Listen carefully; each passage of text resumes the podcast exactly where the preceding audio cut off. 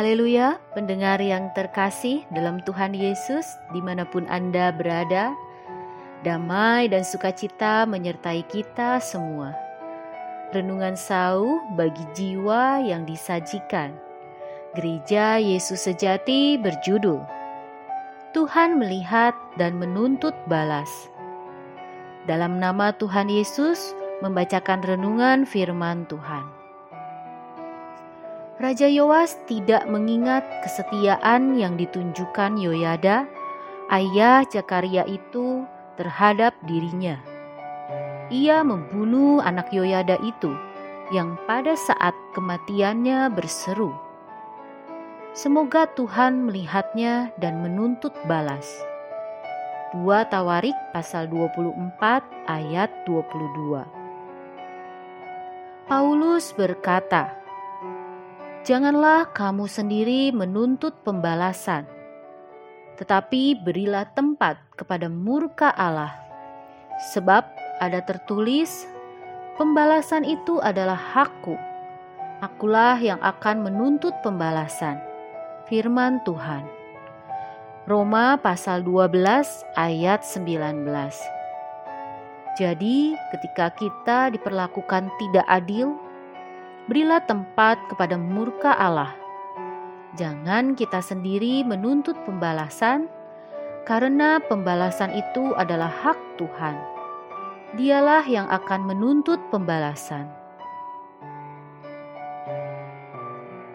Di dalam Alkitab, banyak contoh bagaimana Allah menuntut pembalasan bagi manusia. Salah satunya adalah Zakaria anak Imam Yoyada.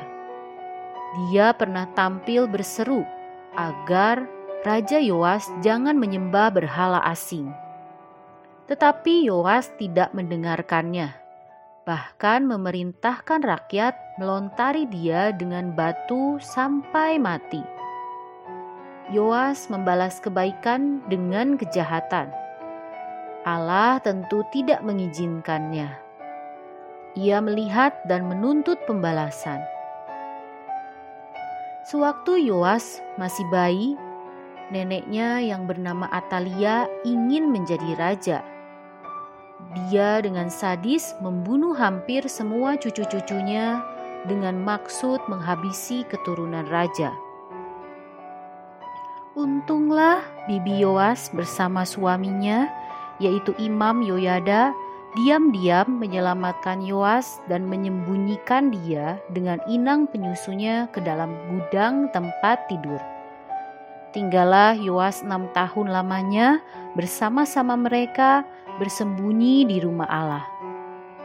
Ketika Yoas berumur tujuh tahun, Yoyada mendapat kesempatan menumbangkan Atalia lalu mengangkat Yoas menjadi raja. Yoas menjadi raja di Yerusalem selama 40 tahun. Selama Yoyada masih hidup, Yoas menuruti Yoyada, melakukan apa yang baik di mata Tuhan.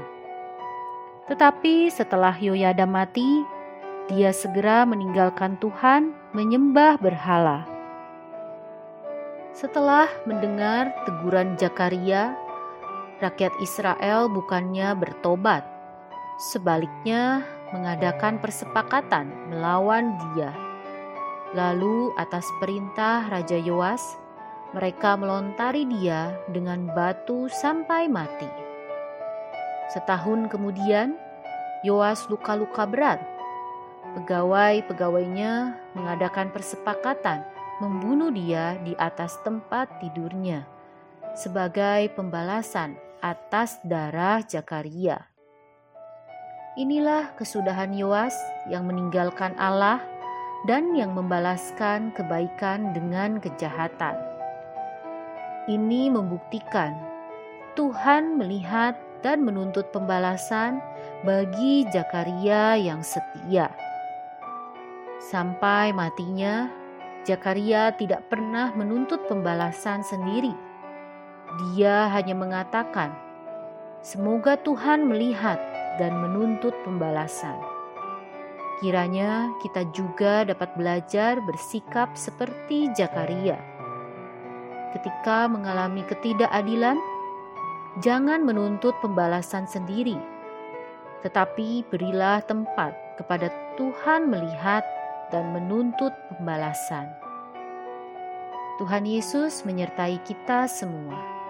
Amin.